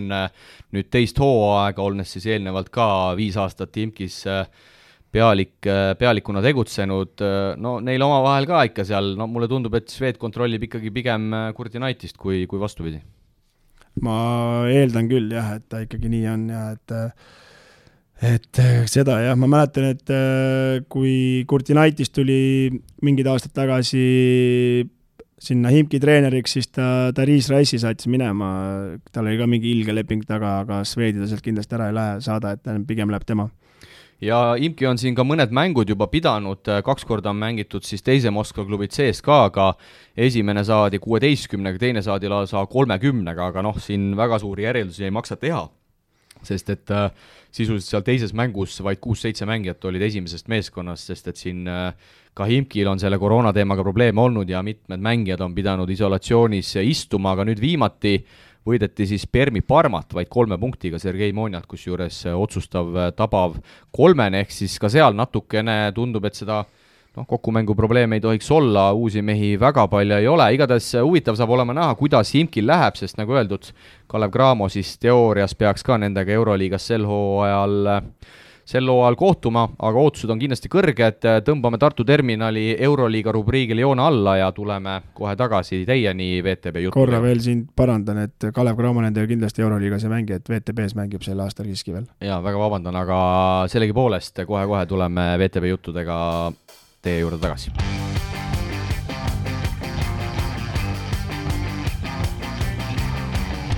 ja tänases äh, VTB ühisliiga rubriigis siis äh, kolm võistkonda võtame põgusalt ette, kui eelmisel nädalal rääkisime WC Kalev Cramo, Lokomotiiv Kubani ja Kaasani Unixi tegemistest, siis täna Permi Parma, poolakate Zelona Cora ja, ja Astana, no alustame kõigepealt Permi Parmast, just siin Euroliiga rubriigi lõpus sai öeldud, et et vaid kolme punktiga siis viimati kaotasid Imkile, lisaks äh, on kolmega võitnud Unixit, kahega Unixile kaotanud ja Niznile kaotanud kaheksaga, ehk siis äh, noh, siin numbrite põhjal võib järeldada, et Parma on suhteliselt korraliku satsi selleks hooajaks äh, kokku saanud ja ja ilmselt hakkavad siis Craamoga seal selle play-off koha eest võitlema. jaa, viimased kaks aastat ütleme, et Parma on ka nagu edasimineku teinud nagu Cramo, et ta on seal ütleme, keskmiste, keskmike kohtade peal olnud ja pigem niisugune üllataja positiivne, et äh, Parma juures ma arvan, kõige rohkem, millel meil peatuda, on see, et peatreenerit ei lastud Salgerisse, et äh, ega ma nendest rohkem suurt midagi ei tea, et ta oli Salgerise esimene valik ja Maskutist ära ei lastud, Parma ütles ei ja, ja ja kas mitte ei olnud isegi Leedu koondisega mingi sama teema olnud. Just nii, kaasas Max Viitis, siis neljakümne kolme aastane leedukas äh kuulsin ka mina, et olevat olnud Žalgirise ja, ja mingil hetkel ka Leedu koondise esimene valik ja, ja üldse siin kuluaarides on räägitud, et äh, väga väga hinnatud treener ta Leedus on, Klaipeda Neptunase eesotsas peamiselt hooaegadel kaksteist kuni viisteist ja seitseteist kuni üheksateist ja tema käe all siis ju Klaipeda meeskond mängis ühe hooajaga Euroliigas ja Leedu äh, noortekoondisi kõvasti juhendanud ja lausa neljal korral on siis äh, erinevad, erinevate vanuste noortekoondised tiitlivõistlustel kullale Äh, viinud, ehk siis tundub, et äh, Parmal on äh, peatreeneriga väga hästi ja seal tuttavaid Balti mehi veel leida, leedukas Adas Juskevitšus alustab seal teist hooaega, lisaks VEF-ist tuntud Mareks Meieris ja Lorenzo Williams, ameeriklane, kes on siin ka Baltikumi regioonis mänginud ja tundub, et asi klapib no ma arvan küll, et äh, tundub, et äh, treener on seal nii kõvasti hinnatud, et kuhugi ei lasta ja, ja hoitakse kümne küünega kinni ja on suutnud selle me meeskonna niimoodi mängima panna, et on tulemused ja kõik on rahul. ja poolakate Zeljona Kora noh, siin võib-olla et kõige vähem meil kaasa rääkida, viis mängu on Poolas pidanud erinevate Poola klubidega, kõik need on üsna kindlalt äh, võidetud ja üks mees siis Ventspils, siis Jaanis Persints, mängib algal, algaval hooajal selles, selles võistkonnas ja, ja lahkunud seal ka mõned tuttavad mehed, rootslane äh, Ludvig Hakanson, no mis me oskame öelda, ka ilmselt äh, läheb play-off koha eest võitlema. Ja, ja eks siis, eks siis ole näha. Jaa, ega eks need kõik võistkonnad lähevad play-off koha eest võitlema, aga kes sinna jõuab, on äh, meil kevadeks näha ja ei oska selle Zeljona Koora kohta ka hästi midagi öelda, et ütleme, et Poola korvpallist suht kaugel. Ja kolmas meeskond, äh, Kasahhide Astana, noh nagu igal aastal, võetakse uued legionärid, äh, Kari Kasahhi kaerasid seal pingil istumas ja, ja pumbatakse sinna, sinna maavara raha sisse ja, ja mingi tulemus ikka ära tehakse. Jah, et see on niisugune müstiline sats, tundub jah, et äh, seal nagu rahaprobleemi pole ja aga ega korvpall tänapäeval ei saagi öelda, et ta mingi rahvusvahel, see riiklik äh, üritus oleks, et see ongi entertainment ja nagu teatrivärk, et äh, sa pakud etendust ja kui inimestele meeldib, siis ei ole vaja midagi muuta ja loodame Astanaga seotult vaid ilmselt seda, et Kalev Cramo sinna süda talvel ei pea reisima, et äh, seal ikkagi korralikud miinus kolmkümmend, nelikümmend võib, võib heal aastal ette visata, aga jah, kõik legionärid äh, suures plaanis läinud, uued mehed asemel, võib-olla tuttavatest meestest Martin Smeyers, kes siis eelmisel hooajal pallis Montenegro meeskonna Puduknosti äh, ridades, aga nagu öeldud, võetakse kolm-neli ameeriklast ja ja Kasahstani mehed siis sinna kõrvale üritavad äh, sekundeerida. aga täna siis põgusalt VTB juttudega sellega lõpetame ja, ja kohe siis äh, tuleme välismaal pallivate eestlaste juurde ja tänases rubriigis siis äh, pikemalt peatume Maik-Kalev Kotsari ja kergriisa tegemistel.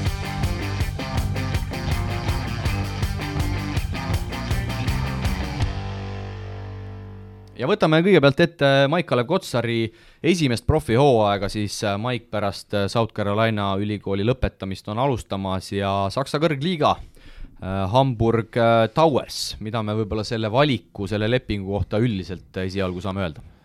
tundub minu jaoks kui Maiki mitte tundev inimene, et sel suvel vist kolm korda nägin ja paar korda, paar sõna vahetasin, et muidu ma ei ole teda tundnud, ei tunne nagu lähemalt, aga, aga tundub nagu natukene nagu huvitav, huvitav valik, aga eks tema teab paremini ja tema agendid ja asjad teavad paremini, et ülikoolis tegi ju korralikke asju, et tundub nagu, nagu madala lennuga üritus. ma siin Maigiga üks päev pikalt telefonis ka, ka vestlesime ja, ja rääkisime, kuidas tal Saksamaal läheb. sisuliselt äh, enne Hamburgiga lepingu sõlmimist vaid üks klubi Euroopas, siis äh, leedukate Šiauliai tundis tema vastu väga elavat huvi, aga kui Hamburgi pakkumine tuli, siis äh, mees kuidagi tunnetas, et see oleks hea koht esimeseks hooajaks see õlavigastus ka, mis tal seal ülikooli viimasel aastal tuli, et et, et tundub, et see, see klubi on ka selline, kes selle poole pealt aitab kõvasti kaasa, et nagu ta mulle ise ütles, hea platvorm ilmselt, kust Euroopas alustada. jaa, kui sa praegust avasid natukene kaarte rohkem, et kui tal oli Šiauliai ja Hamburgi vahel valida, siis ilmselgelt tegi minu arvates parema valiku, et see Šiauliai on ka omamoodi tiim, et nii palju, kui ma nendega mänginud olen, et seal on ka niisugune segased asjad kogu aeg ja, ja kindlasti no vahet ei ole, mis võistkond on, ütleme, et Saksa liiga on kõva ja tema võimalus on seal ennast pildile mängida ja see on kindlasti tal seal esimene eesmärk. ja Maik siis tegi esialgu üheaastase lepingu, ehk siis pikemalt ennast äh, sakslastega ei sidunud, äh, üle-eelmisel aastal siis tuli see võistkond Saksa esiliigast üles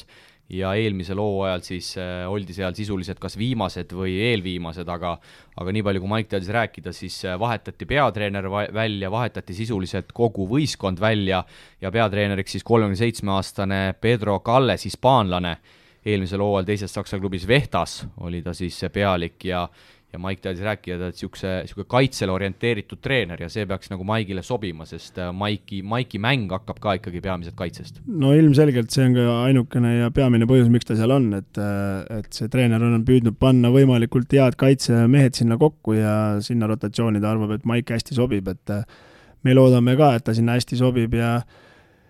noh, ega ta viie peal mängib, ta on niisugune suht lühike viis, ega ta nüüd ülipikk, tänapäeval polegi enam tegelikult ülipikkasi viisi, et äh, sa pead kõiki asju oskama ühest viieni, et äh, see on ainult sinu eelis, kui sa oled pikk ja neid kõiki oskad. Ja kusjuures äh, Saksa liiga hooaeg pidavat algama alles on novembris, sest et praeguse seisuga seal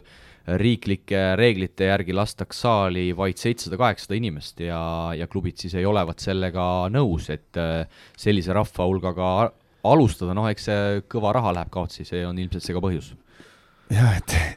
päris luksuslikult elatakse, ütleme, et sport on seal ikka au sees, et kui seitse-kaheksasada on niisugune number, mille pärast ei hakata saali minemagi ja võistlusi avamagi, siis meie Eestis unistame, et ainult saalis oleks seitse-kaheksasada inimest, et äh, erinevad rahvaarvud, erinevad kultuurid ja olen ise korra elus käinud jalgpalli vaatamas, äh, mingid ka suvalised kelpad mängisid seal kümnes ja viimane umbes, aga staadion oli täis kuuskümmend, nelikümmend üks tuhat, noh. Ja kui ma ütlesin, et novembris hakkab Saksamaal ilmselt Bundesliga hooaeg, siis äh alles laupäeval, ehk siis mõned päevad tagasi hakkas Hamburgi meeskond võistkondlikke trenne tegema, et kui kui Maik äh, läks Saksamaale kuueteistkümnendal augustil ära, ehk siis ta on sisuliselt kuu seal juba olnud, siis kogu see kuu on möödunud individuaalse töö raames ja on siis äh, nokitsetud omaette jõusaalis äh, saalis ja alles eelmise nädala lõpus siis hakati tegema võistkondlikke trenne ja osad ameeriklased istuvad seal veel siiani ka ka isolatsioonis, nagu näiteks ka eelmisel hooajal Ventspilsis mänginud DJ Shorts, mäletame kindlasti seda, seda lühemat äh, mängujuhti, tema siis ka äh, algavast hooajast loodetavasti hakkab seal äh, Maigile palle üles ja, ja alla andma, aga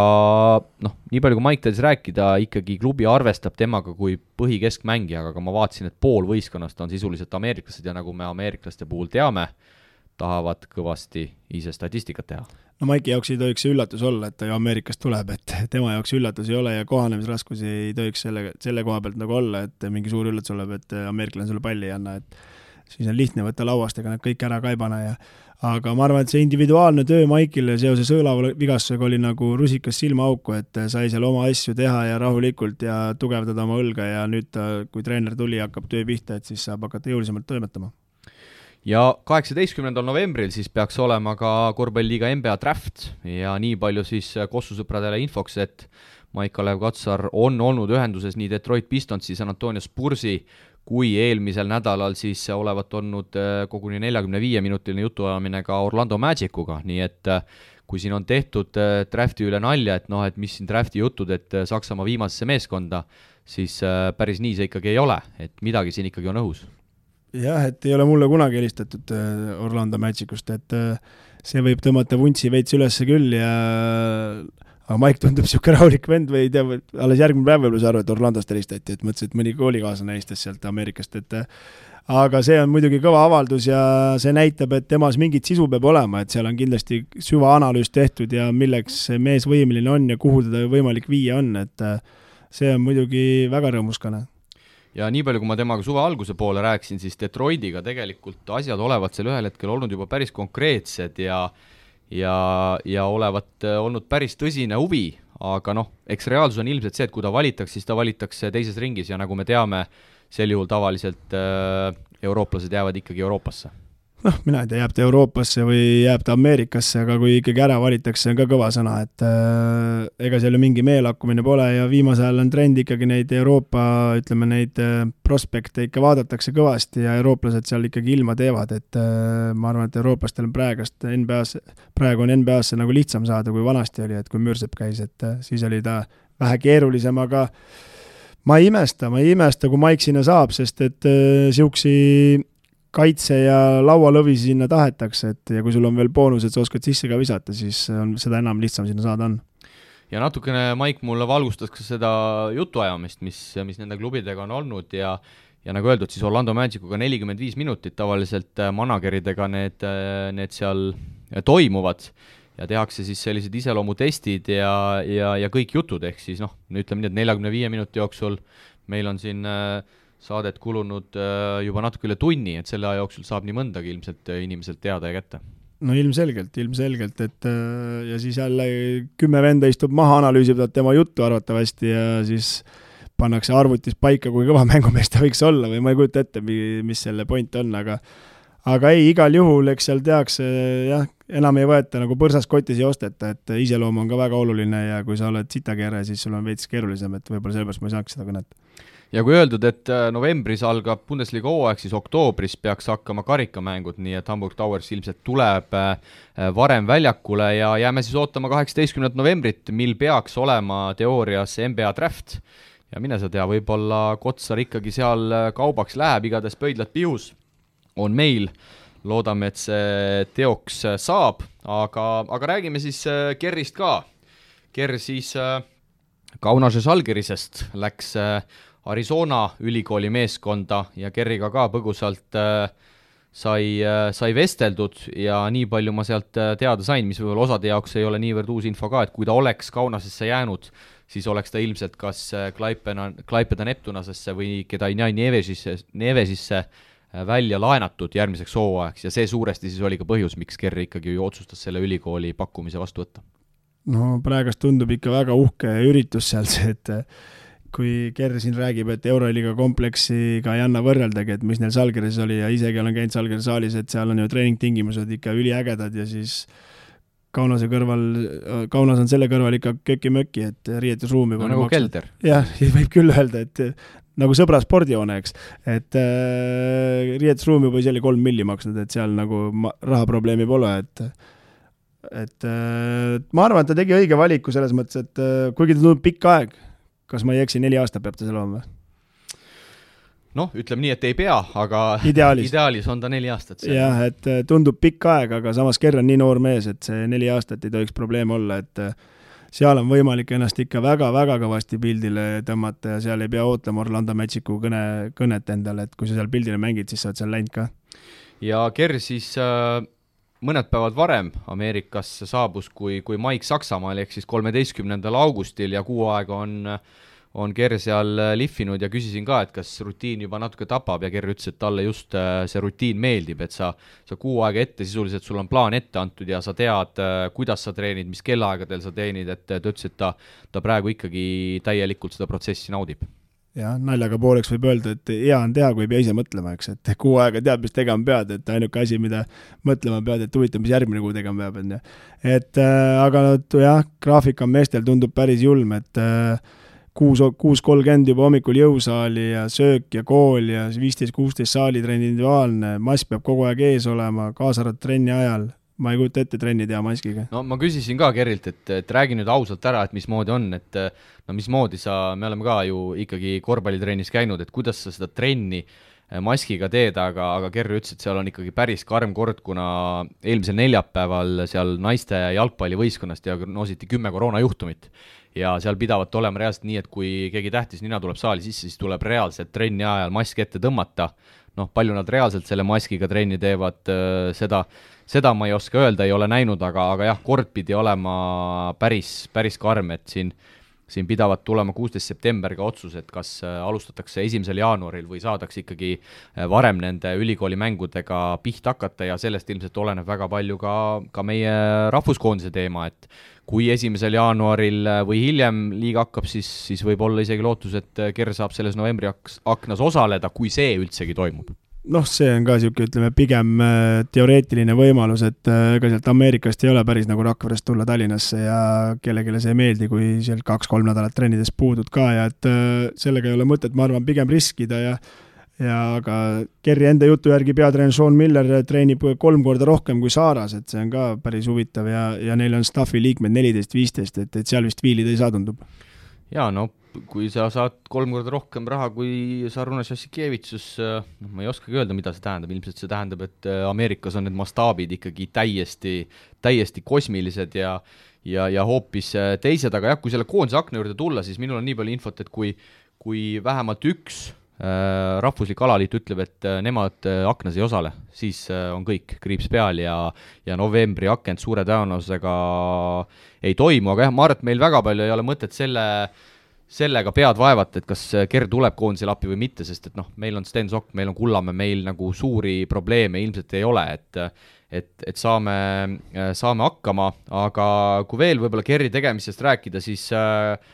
korralik korter, Kanada ja Kameruni poisiga seda, seda kerri jagavat ja kaks kaksikut siis äh, Vilniuse Leetus Riitasest olevat ka seal ja seal olevat olnud selline huvitav lugu, et ema oli öelnud, et äh, kui teine poiss ei saa, siis, siis see parem poiss ka ei tule nagu, et, et saate ainult, ainult kahekesi need poisid. oskavad äri teha no jaa, et üks pidavat nii hea olema, et saab, saab teise ka kaasa ja, ja seal pidavat olema ka üks prantslane, nii et päris niisugune kirju, kirju seltskond ja, ja, ja ja Ger ka seal omajagu koroonateste on juba pidanud, pidanud läbi, läbi elama ja, ja kolm nädalat siis distantsõppel, ehk siis ka seal koolidesse, koolidesse noori ei lasta. No tundub natuke nagu, et Maarikas käivad asjad samamoodi nagu Rakveres, et ma ütlesin ka, et ma ei tule, kui Vahter ei saa, noh. Nüüd ei saanud, mina ei saanud Vahter ka ja Vahter ei saanud, ei saanud mina ka, et käib käsikäes, tundub, et aga ei näe, isegi nii kõrgel ikkagi, kui ikka väga tahetakse, siis võetakse pallipoiss ka kaasa, pole probleemi, et las harjutab neli aastat aga, aga jah, ütles, et üks mure on ka, et äh, sööki surutakse kõvasti sisse, et, et ikka muskel kasvaks, et nagu lasteaias, et enne laua tagant ära, ära minna ei tohi, kui, äh, kui kartulipudru pole, pole ära söödud, aga noh, ma arvan, et selles osas Kerril kindlasti mööda külgi midagi maha ei jookse, et see on põhiline koht tegelikult, kui me nüüd tõsisemal toonil räägime, kust tuleb nagu juurde panna. No eks seda massi on vaja saada juurde, aga ega seda nüüd üleöö ka juurde ei saa, et äh, küll ta selle nelja aastaga läheb kindlasti suuremaks ja tugevamaks, et lihtsalt inimese äh, inimene on niisuguse eh, kehaehitusega ja iseloomuga, et ei võta kergelt juurde, et ega see, loodame, et lõppude lõpuks ikkagi nii, nii palju meeldima ei hakka, et rohkem meeldib söök kui töö, see treenimine. no nagu ma siin ühte podcast'i Matt Channingu äh, aadressil kuulasin, Matt Channing siis Baskonia mängumees, et sa ei peagi olema suur ja tugev, sa pead oma kehas tugev olema no nii on, nii on, et äh, olen kogu aeg, terve oma karjääri seda üritanud teha, et äh, püüan oma kehas tugev olla, et ja nii palju veel Kerri juurest, et saal mahutab viisteist tuhat ja kogu aeg täis maja, et äh, rahvapuudus seal tundub ka, et ei ole. no nagu Kastanil. no praktiliselt, jah. aga jah, jõusaali poole pealt siis ka uurisin ja Kerri ütles, et mingit molutamist ei ole, et seal on, seal on see erinevus võib-olla ainult Euroopaga, et kohe suured raskused peale, aga vaata, kui sul seda materjali on Äh, kõvasti ka, vaata, üks läheb katki, viskad minema, võtad uue asemele, et, et natukene tundub selline stiil, aga muidu Euroopaga ta ütles, et on see jõutreening ka üsna sama, aga lihtsalt, et ei ole midagi, et oh, et täna võtame rahulikumalt, no tegelikult Maik on seda ka rääkinud, et seal pannakse ikkagi tuimalt sulle kank selga, raskused peale ja anna, anna kuuma. ja uju välja lihtsalt, et, et ei ole niisugust varianti, et kuule, et ma Leedus tegin kuuekümnega, et miks te kaheksakümmend panete, et paneme kaheksakümmend, vaata, kas jaksad, kui jaksad, tõstame seitsmekümne peale, noh. Pole probleemi, et et ei ennustata, et palju sa võiks jätkata, kohe testitakse ära, palju jaksad. jaa, ja võib-olla üks niisugune huvitav detail ka, tead sa, Kristo, sellist meest nagu Jason Terry? olen kuulnud küll, jah. kuulnud, tallasega NBA meister äh,, hüüdnimiga The Jet, Novitskiga tuli, ma kindlasti, sa kindlasti mäletad seda, seda aastat ja tema on siis äh, sellest aastast abi, Arizona abitreener ja Kerri ütles, et äh, noh, et seal ikkagi viskevõistlused ka toimuvad ja praegu kaks-üks Kerrile, et äh, suhteliselt okei okay,, et see mees äh, kui ta sulle nüüd silme ette tuli, siis äh, noh, see oli võib-olla natuke kõvem viskaja kui sina. me kõik jääme vanaks. aga, aga ühesõnaga siis jah, Ker äh, paugutab seal äh, Terriga viskevõistlusi ja ja hetkel pidi siis naljaga pooleks omavaheline seis olema kaks-üks, üritame sellel seisul siis ka sel hooajal mängumeeste saadetes kätt pulsil hoida, aga Kerrile mis me oskame öelda, tuult tiibadesse, noor mees, pidagu vastu, pidagu rutiinist kinni. Ja no kui ta selle neli aastat seal ära kannatab, ta ütles, et ilmselt esimesel aastal juba seal mänguaega ka kõvasti, et noh, enesekindlusest tal puudu ei tule. enesekindlust tal pole kunagi puudu tulnud ja soovime ainult edu ja elame kaasa. Ja tõmbame joone alla, järgmisel nädalal juba uued välismaal pallivad eestlaste jutud äh, teie ees. Ja mis meil siis siin jäänud on veel, vabakava rubriik kohe teie ees, kus siis täna räägime Saku esiliigast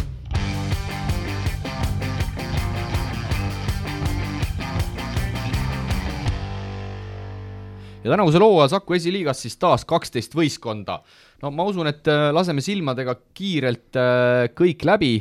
kes on uued tulijad, kes on treenerid, äh, kes on võib-olla juurde pannud ja kes on võib-olla kergelt järgi andnud, võtame siis taas selles rivistuses, millega eelmine hooaeg siis lõppes, ehk siis kui meil kurikuulus Covid peale tuli, siis paremusjärjestus ikkagi löödi lukku. Ja esimesel kohal siis Korvpalliakadeemia Tallinna Kalev no väga palju muutusi, tundub, et natuke teine suund on valitud, kui siin enne üritati nooremate perspektiivikate meestega läbi ajada ja sellist akadeemia teemat rohkem, rohkem peale ajada, siis äh, nüüd on toodud Siim Lauri, Jaagup Toome betoonimeistrivõistkonnast ja Erik Luts siis äh, Baltekost, kes kukkus esiliigast välja. ja Raido Roosi me enam seal treeneripingilt ei leia, vaid siis Aivo Erkmaa sinu noorteklassi juhendaja võtab ohjad täielikult enda kanda. Ei oskagi öelda, mis selle asja põhjus võib olla, et ju siis see mudel kolme aastaga saadi aru, et see ei toimi, et nüüd püüaks jälle kuskil muus suunas minna, et eks rohkem ei oska midagi öelda, võib-olla raha sai otsa aga kindlasti need kolm nime, kes me ütlesime, esiliiga mõistes vägagi korralikud täiendused, eriti Siim Laur, kes ikkagi eelmisel hooajal, no betoonimeistri rivistust tal keskmine punktisaak oli sinna kahekümne viie kanti vist, et see on väga, väga muljetavaldav. No jaa, aga eelmisest aastast Tallinna Kalevi kohta võib öelda, et tegi kaks korda rohkem trenni kui Rakvere Tarvas näiteks, et äh, raiusid ju kõvasti trenni ja lausa kaks korda päevas ja ja aga nüüd arvatavasti lähevad ikkagi amatööri peale tagasi. ma ikkagi usuks, et ilmselt äh, jäävad sinna ülemisse otsa mängima no kindlasti, ega siin ju pole väga palju peale uusi asju tulnud. ja teine meeskond siis korvpalliklubi Viimsi Noto, äh, suuresti sama koosseis, äh, tundub, et peatreener on vahetunud, käisin siin äh, Tallinna karikat ka vaatamas, seal osalesid nii Viimsi kui Keila. Ja Viimsit siis peatreenerina juhendas Martin Toomas. Ja Paides viimased aastad mänginud Samuel Rõigas on siis Viimsiga liitunud, no neil ilmselt on suhteliselt lihtne, kuna võistkond on kokku mänginud, siis see vanker hakkab suhteliselt ilusti kohe alguses veerema. Nojah, kui keegi vahepeal vanemaks pole nii palju saanud, et ega seal kõige noorem koosseis pole, et et on sümpaatsed mängu näidanud kaks aastat esiliigas, ka ise nendega ju üle-eelmine aasta mängisime poolfinaalis, jah, poolfinaalis ja Tallinna Kaleviga finaalis, et midagi kerget ei olnud, et kindlasti esineliku võistkond. ja Kalev Cramolt siis poolfinaalis, no ma julgeks öelda ikkagi vaid kahekümne kahe punktiga, et ma arvan, et nende kohta väga hea tulemus, ma küll mängu ise, ma pean ütlema, et ei näinud aga seitsekümmend no, kuus visata Cramole, ma arvan, et tegelikult esiliiga võistkonna kohta päris okei okay.. kindlasti, kindlasti, et äh, tundub, et äh, väga palju pole järgi andnud eelmise aastaga võrreldes, et äh, võivad päris optimistlikud olla Rakvere Tarva vastu minnes karikas. ja kolmas meeskond, Eesti Maaülikool. no mul väga palju infot ei ole, kas sinna keegi juurde tuleb, aga ma tean, et sealt on omajagu lahkujaid ehk siis Russak, Joosep Russak Estikosse ja, ja minu teada ka Ken Kair, Karja ja Gert Kaldmäe minu teada seal korvialune mees läks Paidesse, ehk siis tundub, et äh, Maaülikool natukene vast kukub. jah, et siin sa eksid praegust, et äh, Gerd Kaldmäe läks äh, Kadrina karudesse, et nägin, oli nimekirjas, kui ma nüüd valesti ei vaadanud, et, et Kadrina turniiril, et aga Eesti Maaülikooliga segased lood jah, et siin suure tuhhiga tulid peale siin ütleme kaks-kolm aastat ikkagi segasid kaarte päris korralikult, et aga nüüd on see kaardimaja kuidagi kokku kukkunud, et äh, täpsemaid tagamaid ei tea ja ei olegi meie asi lahata ja mulle tundub, et Esko Tõnisson, kes seda asja, seda tegelikult seal aastaid väga, noh, väga hästi ajas, seda oli ka väljapoole Maaülikooli näha, tema nüüd ma ei tea, kas üle-eelmine aasta või eelmine aasta sealt lahkus ja ja mulle tundub, et ka see võib olla üks põhjuseid, miks see kaardimajaka on seal hakanud natukene kokku kukkuma, ma võin küll eksida, mul täpsemaid, täpsemat infot ei ole. Eks igal pool on entusiasmi vaja, aga Esko Tõnisson on nüüd ju Tartu Ülikooli neljas või kolmas treener, et ta on nüüd seal pingil, et äh, edu talle ja jõudu jaksu! ja vaatame edasi, Kadrina Karud, noh, kodusel turniiril äh, poolfinaalis ikkagi üsna kindlalt kaotati Tartule kahekümne viiega, lisaks on siin mängitud Tallinna Kalevi kõrgliiga satsiga, seal saadi vist kolmekümnene. Leedukas äh,, nüüd olevat tulnud ka eelmisel hooajal pallinud ameeriklane satsi tagasi. Ja, ja sinu treener siis äh,, sinu lemmiktreener peatreeneri rollis jaa, eks Andres peab neid muruniidugi natuke remontima, eks need kuusmajast jäid nii katki, et, et kohe ei saagi seda asja käima, et äh, võtab natukene aega, aga Kadrina Karud ka kindlasti ei saa alahinnata, et äh, eelmisel aastal muidugi alustasid väga kehvasti Andrese käe all, et äh, loodame, et sel aastal läheb paremini. ja on kuulda olnud, et noolisid ka, ka mängumeest? eks ikka noolivad, et turul kõik noolivad, aga pole veel praegust täpsemalt kaugemale jõudnud, et sa jõudsid ette ja eelmise hooaja betoonimeister siis äh, sellest hooajast nimega SK Nordaid, kaldki kriips Cramo ja Tiit Sokk siis teame, et sealt eesotsast läks Tartu meeskonna abitreeneriks ja Mart Uuendriks siis, kes on seal pikalt aastaid seda asja üleval hoidnud, võtab siis selle raske ameti enda kanda ja ja no nemad on päris palju kaotanud, Siim Lauri, Jaagup Toome sai juba öeldud Tallinna Kalevisse, äh, Suia, Riho Suia ja Roland Priis siis ka sealt lahkusid Rae Kossu ja, ja seal mõned vanemad mehed minu teada on veel alles jäänud, aga suuresti ikkagi minnakse oma noortega peale, ehk siis saab ilmselt olema päris raske. jaa, ma eeldan, et äh, see tiim on nagu lõpupoole tiim, et äh, kui nad noortega peale tulevad, et sealt hetkel mingit erilist äh, tähelendu ei tahaks täheldada, aga mine sa tea. Geniles noorteliiga, nende koosseis karikas juba üles antud, Hugo Toom, Kasper Suurorg läksid Pärnusse, Ken-Marti Reinart TalTechi, need olid siis kolm meest, kes seda põhiraskust eelmisel hooajal kandsid. kui ma eelmises saates ütlesin, et et Phoenixil läheb nendega karikas raskeks, siis ma vist pean oma sõnad tagasi võtma, ma arvan, et seal Illimar Pilgi võistkond on võimeline neid isegi karikas hammustama, aga ma arvan, et esiliigas läheb neil ikkagi väga raskeks, Aivar Kuusma hakkab neid seal juhendama koos Martin Rausbergiga, aga ma vaatasin seda koosseisu, seal on ikkagi no peamiselt kaks tuhat neli, kaks tuhat viis, kaks tuhat kolm poisid. no liiga noored ilmselgelt, aga, aga mine sa tea, et äh, Kuusma, kui neid päevast päeva treenib seal, et äh, siin tempoga võib nii mõnegi maha murda. aga nemad muidugi esiliigast välja kukkuda ei saa, kuna nemad on siis äh, nii-öelda korvpalliliidu alt seal osalemas ja, ja noortele kindlasti väga, väga kõva kogemus. nüüd, kui Toom Suurorg ja Reinart on läinud, siis teised poisid saavad seal ilmselt pead tõsta, Tammsaru Los Toros TalTech, Rait Käbin siis võtab sellest hooajast peatreeneri rolli enda kanda suurest korvpallist taandunud Norman Käbin hakkab äh, Tammsalu mängu juhtima ja lisaks siis oma korvpallikooli kasvandikud siin karikas äh, Rahvaliiga võistkond üllatas, mängisid viiki seitsekümmend kuus, seitsekümmend kuus. jah, et äh, minu kodukandi tiim ju puhas, et Käbin tuli meile treeneriks sinna või? et selle Tammsalu Storusega on niisugused segased lood, et ta on ju esiliigas vist mänginud juba mingi kümme aastat jaa, seal Rainer Tops ja Kristo Raudom on seda asja vedanud, ega seal vist neid Tammsalu mehi ülemäära palju muidugi alles ei ole aga kui ma, kui ma õieti mäletan, siis ma äkki olin paha peal ja ma jätsin ühe hooaja korvpallis vahele ja siis ma tulin kuskilt Inglismaalt või kus ma teisest liigast tõstsin nad esiliigas, sellest ajast saati nad on, äkki see oli mingi kaks tuhat kaheksa, kaks tuhat üheksa aasta äkki, et et äh, väga keeruline, et siin äh, Lääne-Virumaaga tegelikult enam pole midagi seost, et äh, siin on puhas Tallinna tiim nüüd, et võime ikkagi põhimõtteliselt öelda, et see on TalTech, noh. et vaatasin küll Rahvaliiga, kellega nad mängisid seal viiki, et oli ka ikkagi meie kandi poisse seal veel, aga täpselt aru ei saa, miks nad seal on aga kindlasti kõik oleneb sellest, palju kõrgliiga võistkonnast mängijaid tuuakse, et seal, seal saab tuua nii Schmaltzi, seda Mehhiko poissi Matute Berneri, seal on, seal on päris palju neid mehi, keda saab liigutada, Rait äh, Tammet ja Sander Viilup küll enam vanusega mängida esiliigat ei saa, nende eest peab maksma, aga, aga ilmselt ilma meistriliiga lisandumisteta on see sats ka päris õhuke, nagu see karikamäng näitas. Jaa, ja oleme ausad, äh, eelmine, üle-eelmine aasta, kus esiliigas mängisime, olid need Smaltsid ja kõik TalTechi omad, et aga ütleme nii, et noorte suur probleem on see, et kui nad arvavad, on kõrgliiga võistkonnas, siis esiliiga on nende jaoks nagu köömes, aga kahjuks tulemused ei ole siiamaani järgi tulnud, et äh, veits õhku välja lasevad ja hakkavad aru saama, et ega nii kerge ei olegi nende vanameestega mängida, siis äkki tulevad tulemused ka järgi.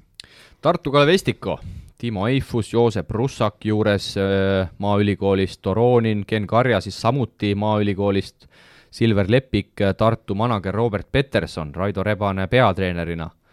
päris, äh, tundub päris löögijõuline, kui nüüd Eifus siit kõrgliiga kiiruste pealt, no esimesel hooajal ma usun, et ta on esiliigas ikkagi väga tugev jõud. no väga tugev jõud selles mõttes, et juba massiliselt, et ega väga palju esiliigas pole tiime, tiimidel mehi, keda talle vastu panna seal korvi all, et seal peab ikkagi kahekesti minema, et muidu lükkab oma massiga ära lihtsalt ja kogemusega, et aga Estika on üllatanud kodus alati, et äh, kahjuks nad välismängudele väga paljud täiskoosseisuga ei jõua ja alles siis Estiko mängis äh, mängis kontrollmängu Paidega ja Paide neid võitis ja tulemegi siit põgusalt Paidega edasi. no Paidest ka mõningad mehed on lahkunud, nagu öeldud, Rõigas läks äh, Viimsi meeskonda, minu teada meeskonna mängujuht Kaspar Rätsep jätab hooaja vahele, aga tagaliinis kaks uut meest, Kaspar Bibikov ja Kiu Rakenberg tuli siis Baltekost, nagu öeldud, Balteko kukkus esiliigast välja ja see võistkond äh, teises liigas ilmselt ka mängima ei hakka, nii et noh, Bibikov, Akenberg ju täitsa korralik tagaliin jaa, Bibiko Vakenberg täitsa korralik tagatiim ja, ja Meelis Songe on nüüd sinna, kas ta on juba seal ammu olnud või ei olegi üldse kursis, et kas ta seal Paide korvpallikoolis või kus ta tegelenud on, et sellega me kursis ei ole kahjuks, aga nüüd on Meelis Songe seal ees, et ennem oli Rait Keerles, et et ega see Paide ka on niisugune, niisugune ebamugav sats ja neil on rahvas saalis ja neil on äh, alati kodus nagu hästi mänginud, et ei saa neid alahinnata kindlasti ja Songe siis tõesti eelmisel hooajal äh, keerles poole hooaja pealt, äh, andis Viilupile, Janno Viilupile, kes seda asja on seal hingega aastaid ajanud, andis siis äh, teatepulga taas tagasi ja sellest hooajast siis Audentes muidu üldjoontes noortetreenerina tegutsev Meelis Songe on siis sellest hooajast Paide Viking Window peatreener, nii et nemad ka kindlasti on löögijõulised sel hooajal, Tartu Ülikool. No ilmselt oma noored, teadupärast nad seal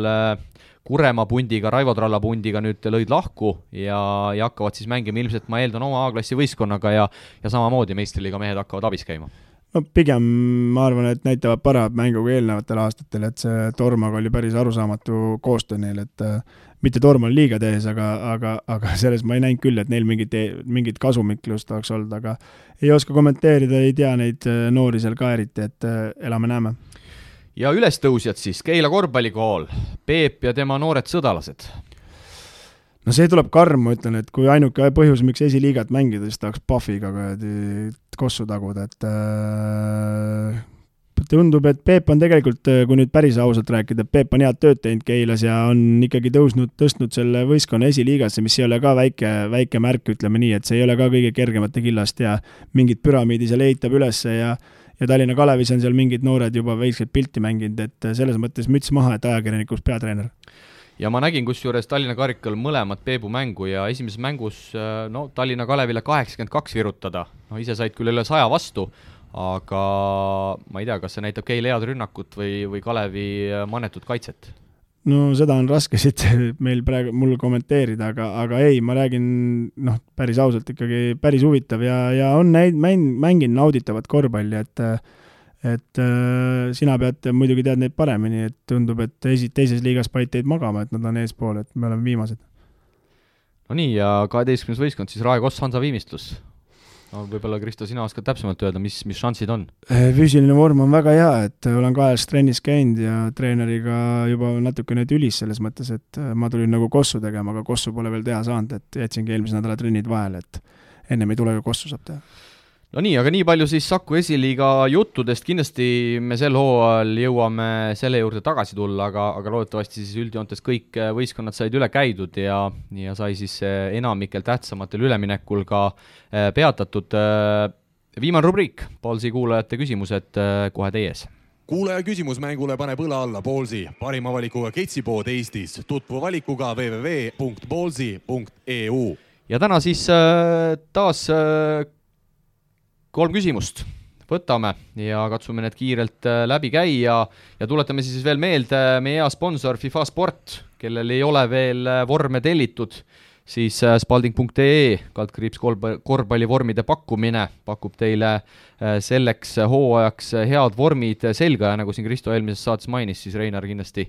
kindlasti teisipäevaks me loodame, et sealt ikkagi mingid korralikud asjad meile vastu tulevad. jaa, ma loodan küll, jah ja, ja kolm küsimust siis äh, oleme võtnud äh, võtnud ette, esimene on kaunikesti pikk, aga, aga loeme sellest ette vast äh, lõpuosa. Ja kirjutab siis äh, Jörg Jörgenson et äge podcast teil meeldib väga ja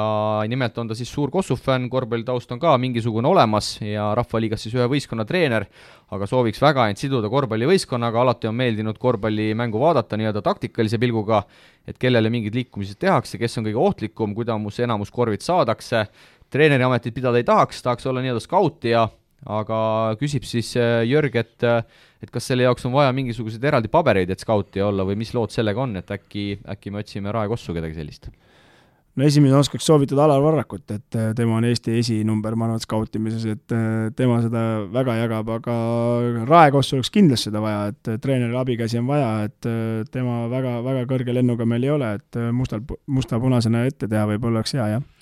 ja tegelikult ega ju eraldi pabereid minu teada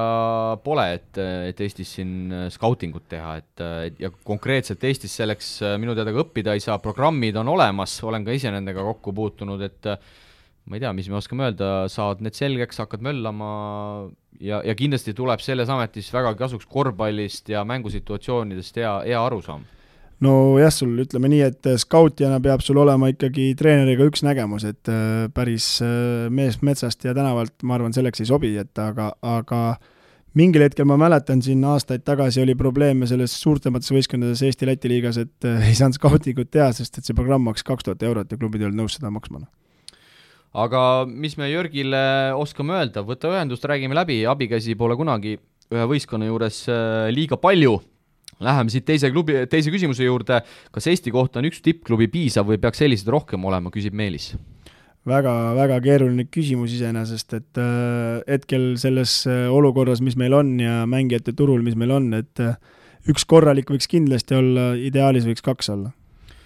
Ja ma usun, et hetkel meil ei olegi rohkem ressurssi, kuna nii palju poisse on välismaal ja